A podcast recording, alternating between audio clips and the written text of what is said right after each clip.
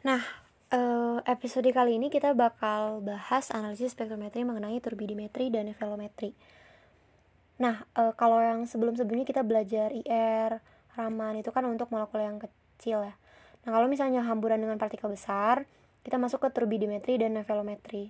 Seringkali turbidi turbidimetri dan nevelometri ini tidak digolongkan ke metode spektrofotometri karena fenomenanya interaksi antara radiasi elektromagnetik dengan materi atau partikel yang menghamburkan tidak menyebabkan perubahan baik perubahan panjang gelombang uh, tapi yang berubah cuma arah dari sinar penghamburnya. Jadi kalau misalnya ada namanya turbid atau pengukuran kekeruhan partikel yang lebih kasar, kalau nevelo pengukuran kabut jadi lebih halus, lebih encer partikelnya. Suatu suspensi partikel disinari kalau ukuran partikelnya jauh lebih besar daripada panjang gelombang sinar penghambur, maka akan terjadi pemantulan atau refleksi. Kalau partikel suspensinya lebih kecil daripada panjang gelombang sinar penghambur, yang terjadi adalah hamburan atau scattering. Yang kita amati di turbidimetri dan nevelometri lebih kepada proses scattering atau hamburannya dan kenapa bisa terjadi hamburan partikel tadi. Nah, itu yang disebut dengan efek Tyndall. Efek Tyndall itu adalah hamburan cahaya oleh partikel koloid atau suspensi partikel halus. Yang semakin besar panjang gelombang cahaya yang digunakan untuk menghamburkan, maka sinar yang tadi akan semakin ditransmisikan, jadi hanya dilewatkan. Semakin pendek panjang gelombangnya, maka energinya semakin banyak dan semakin banyak sinar yang direfleksikan melalui fenomena hamburan. Seperti itu. Nah, kalau misalnya pada turbidimetri ada pengukuran intensitas sinar yang diteruskan atau yang ditransmisikan oleh partikel suspensi itu yang diukur intensitasnya berapa. Lalu jumlah sinar yang ditransmisikan akan bergantung pada jumlah dan ukuran partikel. Pengukuran bisa dilakukan menggunakan spektrofotometer seperti spektrofotometer sinar tampak atau UV. Kalau pada nevelometri yang diukur adalah cahaya yang dihamburkan oleh partikel tersuspensi. Karena itu letak detektornya diletakkan pada 90 derajat atau dia nggak sejajar sama sumber sinar. Perbedaan utamanya itu kalau turbidimetri kita ukur yang ditransmisikan, artinya berkas sumber sinar yang sejajar dengan detektor. Kalau nevelo itu adalah berkas sumber sinar yang tidak sejajar dengan detektor dan biasanya sumber sinar yang ditransmisikan itu jauh lebih sedikit atau mungkin lebih kecil daripada sinar yang dihamburkan dari suatu suspensi yang keruh. Makanya nevelometri itu akan memberikan kepekaan yang lebih baik dibandingkan turbidimetri. Dan besarnya intensitas cahaya yang dihamburkan akan sama dengan tetapan dikali konsentrasi. Kalau pada turbidimetri, karena intensitas sinar yang diukur sejajar dengan sumber sinar, maka intensitasnya adalah intensitas terukur adalah intensitas mula-mula dikurangi intensitas sinar yang diteruskan dan besarnya sama dengan tetapan dikali konsentrasi. Karena intensitas yang terukur adalah nah itu gitu. Kalau seandainya konsentrasinya sangat kecil maka kemungkinan I0 I0 atau intensitas awal dan IT atau intensitas yang diteruskan itu mendekati sama. Kalau hampir sama berarti intensitasnya kan sangat kecil ya. Nah itulah yang kenapa pada turbidimetri harus digunakan konsentrasi yang cukup besar supaya ada perbedaan yang cukup signifikan antara intensitas mula-mula dan intensitas yang e, diteruskan atau yang dihamburkan yang besarnya sama dengan K kali C e, seperti itu untuk turbidimetri dan velometri. Selanjutnya, hal penting dari turbidimetri dan velometri itu turbidimetri dan velometri tidak mengikuti hukum Lambert-Beer. Jadi kita nggak bisa meramalkan kalau dia mengikuti hukum Lambert-Beer kan kita bisa tahu tuh kita bisa meramalkan linearitasnya sampai mana apakah kurvanya linear atau tidak. Oleh sebab itu analisa kuantitatif untuk uh, ini itu memerlukan kurva kalibrasi. Nanti konsentrasi sampel yang akan dihitung melalui kurva kalibrasi uh, yang selalu dibuat. Lalu intensitas sinar yang terukur baik di keduanya tergantung pada jumlah dan ukuran partikel. Maka larutan standar yang digunakan untuk membuat kurva kalibrasi harus memiliki ukuran yang sama dengan sampel karena kalau beda intensitasnya jadi beda lalu sistem suspensi atau koloid itu uh, apalagi kan dia nggak stabil secara termodinamika. Kalau lama-lama disimpan dia bakal mengendap. Maka akura akurasi pengukurannya itu jadi kurang baik. Jadi perlu pengedukan dan interval waktunya juga harus sama untuk setiap pengakuran. Lama pengadukan dan lama penyimpanan juga harus sama supaya pengakurannya lebih baik. Itu hal penting ya Selanjutnya ada beberapa hal yang mempengaruhi pengukuran. Kan kalau intensitas sinar yang ditransmisikan oleh uh, kalau turbidimetri atau yang dihamburkan kalau pada nevelometri itu bergantung pada konsentrasi, geometri partikel, panjang gelombang sinar penghambur, dan perbedaan indeks bias antara partikel dengan medium dari partikel pelarutnya. Yang pertama untuk konsentrasi. Kan kalau pada turbidimetri yang kita ukur adalah sinar yang ditransmisikan. Nanti hukum, uh, kalau kayak hukum Lambert-Beer, S atau turbidans itu sama dengan log I0 per I. Nah, sama dengan K kali B kali C. Kalau pada nevelometri sebenarnya sama aja ya. I intensitas sama dengan KS kali I0 kali C. Kurva kalibrasinya itu biasanya uh, C versus IS per I0 atau log I0 per IS versus C. Selanjutnya untuk uh, yang dipengaruhi geometri partikel atau bentuk partikel. Ukuran dan bentuk partikel ini merupakan faktor kritis karena kita perlu atur selain konsentrasi, uh, kita juga atur temperatur, pengadukan, pH, urutan penambahan reaksi, waktu yang diperlukan. Jadi konsentrasi reaksi kalau terlalu pekat dia akan cepat mengendap. Jadi butiran partikel jadi kasar sehingga intensitas samburan semakin kecil. Kalau temperatur pengadukan dia akan mempengaruhi bentuk dan ukuran. Kalau untuk terjadinya proses pengendapan kan butuh sistem larutan dengan pH tertentu. Dan urutan penambahan reaksi juga sangat menentukan. Harus dilakukan dengan baik supaya dapat bentuk dan ukuran partikel yang seragam. Selanjutnya uh, yang mempengaruhi juga panjang gelombang sinar. Kalau pada turbidimetri sebenarnya nggak terlalu penting ya panjang gelombang sinar. Selama dia berada di panjang gelombang di mana sampel tidak menyerap. Nah, kalau misalnya larutan sampel tidak berwarna, jadi digunakan uh, cahaya yang sama, maksudnya cahaya yang berada pada spektrum elektromagnetik di sinar tampak. Kalau nevelometri, proses absorpsinya itu relatif kecil karena tidak terukur ya. Yang terukur itu justru yang dihamburkan, maka biasanya digunakan cahaya putih atau polikromatis. Jika larutannya jenih, tapi partikel gelap, maka digunakan cahaya merah atau dekat-dekat dengan infrared. Pemilihan panjang gelombang sinar itu kalau misalnya larutan atau partikel tidak berwarna pakai sinar tampak. Kalau berwarna, larutan berwarna, partikel tidak berwarna, maka panjang gelombang di mana larutan sampel tidak menyerap sinar. Kalau misalnya partikel berwarna, larutan tidak berwarna, panjang gelombang di mana partikel menyerap dengan kuat. Larutan dan partikel yang berwarna dua-duanya dua panjang gelombang. Lambda 1 adalah panjang gelombang di mana absorban dari larutan minimum, jadi tidak menyerap sinar. Lambda yang kedua adalah panjang gelombang di mana absorbansi maksimum terjadi untuk partikel-partikel yang menyerap dengan maksimum.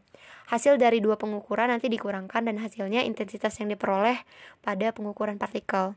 Intensitas yang diperoleh pada panjang gelombang larutan. Selanjutnya yang mempengaruhi yang keempat adalah indeks bias, perbedaan indeks bias.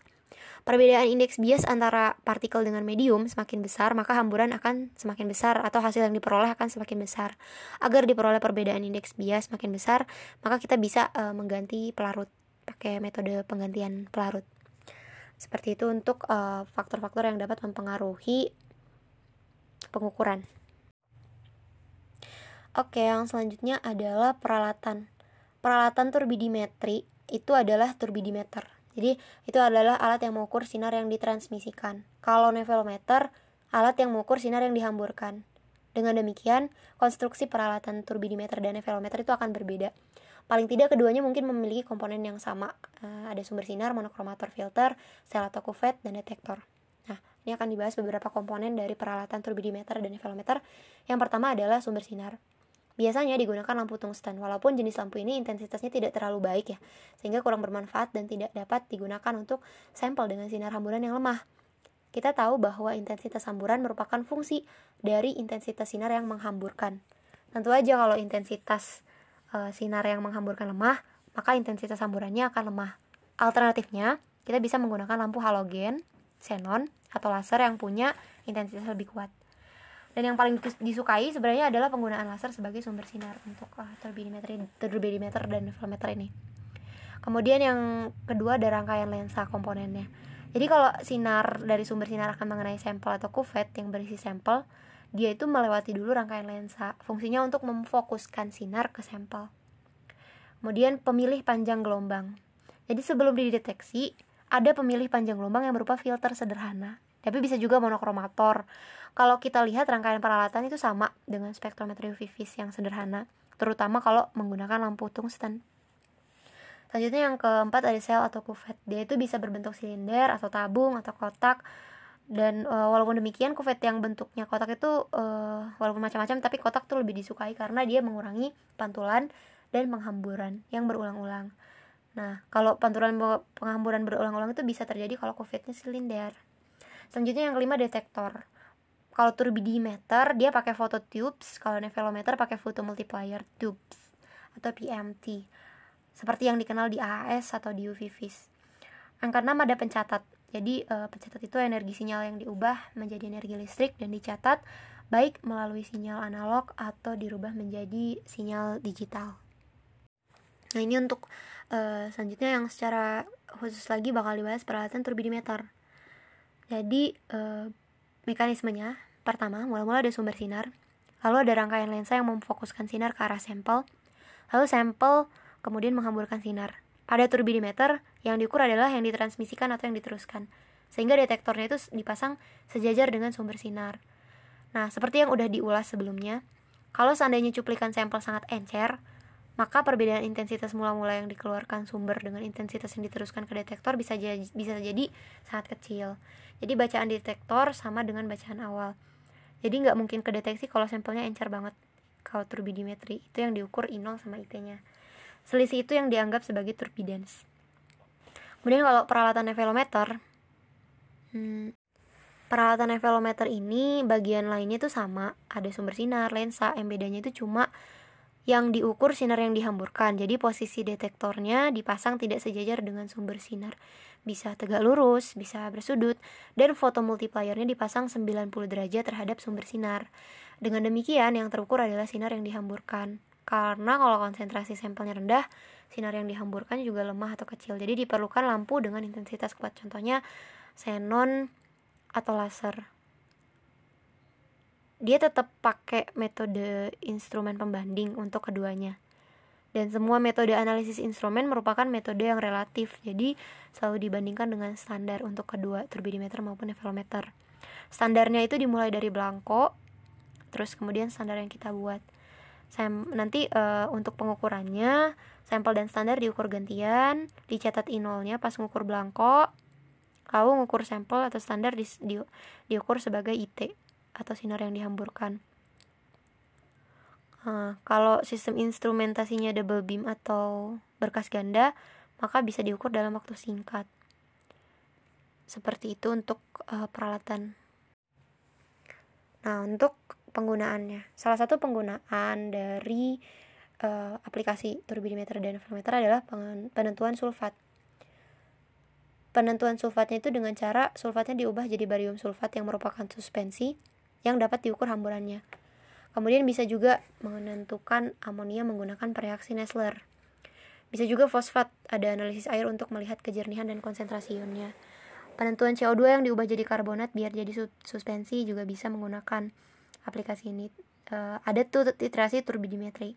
Dia merupakan plot antara turbidence terhadap volume titran yang bisa dibuat sehingga kalau terjadi pengendapan pada titrasinya, maka nilai turbidence akan naik dan makin bertambahnya volume titran pada akhir titrasi, nilai turbidence akan menjadi datar karena tidak lagi terbentuk endapan atau suspensinya sudah berhenti terbentuk sehingga turbidence-nya tidak lagi naik secara signifikan. Turbidimetri dan nevelometri ini sebetulnya banyak digunakan di bidang biokimia untuk melihat kinetika dari laju pertumbuhan mikroba. Jadi kalau kita tumbuhkan, tentu aja makin banyak jumlah mikroba yang ditumbuhkan, larutan akan semakin keruh. Dengan demikian, turbidensnya akan lebih tinggi dan naik terus secara berkala dengan bertambahnya jumlah mikroba yang bertumbuhkan sehingga kita bisa lihat adanya turbidens kemudian tidak lagi naik secara signifikan karena jumlah mikroorganisme yang bertumbuk sudah stabil atau berkesetimbangan dengan yang mati. Sehingga bisa memperkirakan daerah mana sih kita harus memanen atau di kapan ketika plot turbidensnya terhadap waktu uh, kita bisa memanen mikroba. Dan dari slope uh, kurva yang diperoleh antara turbidens terhadap waktu kita bisa menentukan laju pertumbuhan mikroba.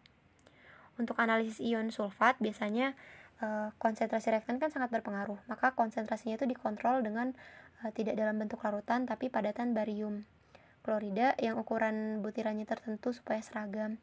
Nanti pengendapan barium sulfat bisa terjadi dengan suasana asam dengan kekuatan ionik tertentu yang e, ditambahkan HNaCl untuk mengatur kekuatan ionik dan HCl sebagai pemberi suasana asam. Nah, itu tuh harus ditambahkan sebelum reaksi barium klorida ditambahkan supaya tidak terjadi mm, tidak terbentuk kristal mikro barium sulfat. Lalu gliserol etanol diperlukan untuk menstabilkan turbide, turbiditas atau kekeruhan. Kita tahu bahwa sistem koloid atau suspensi adalah sistem yang secara termodinamik tidak stabil. Jadi secara makro bisa dilihat bahwa kalau didiamkan bisa memperoleh e, pengendapan. Jadi wadahnya itu juga harus dikocok dengan baik supaya partikelnya seragam untuk menghindari pengendapan. Tiap wadah dari campuran reaksi harus dikocok dengan kecepatan dan waktu yang sama supaya terbentuk suspensi homogen dan ukuran yang sama baik uh, ukuran maupun bentuknya. Oke, mungkin demikian untuk turbidimetri dan velometri. Uh, episode selanjutnya kita bakal bahas tentang sinar X. Terima kasih.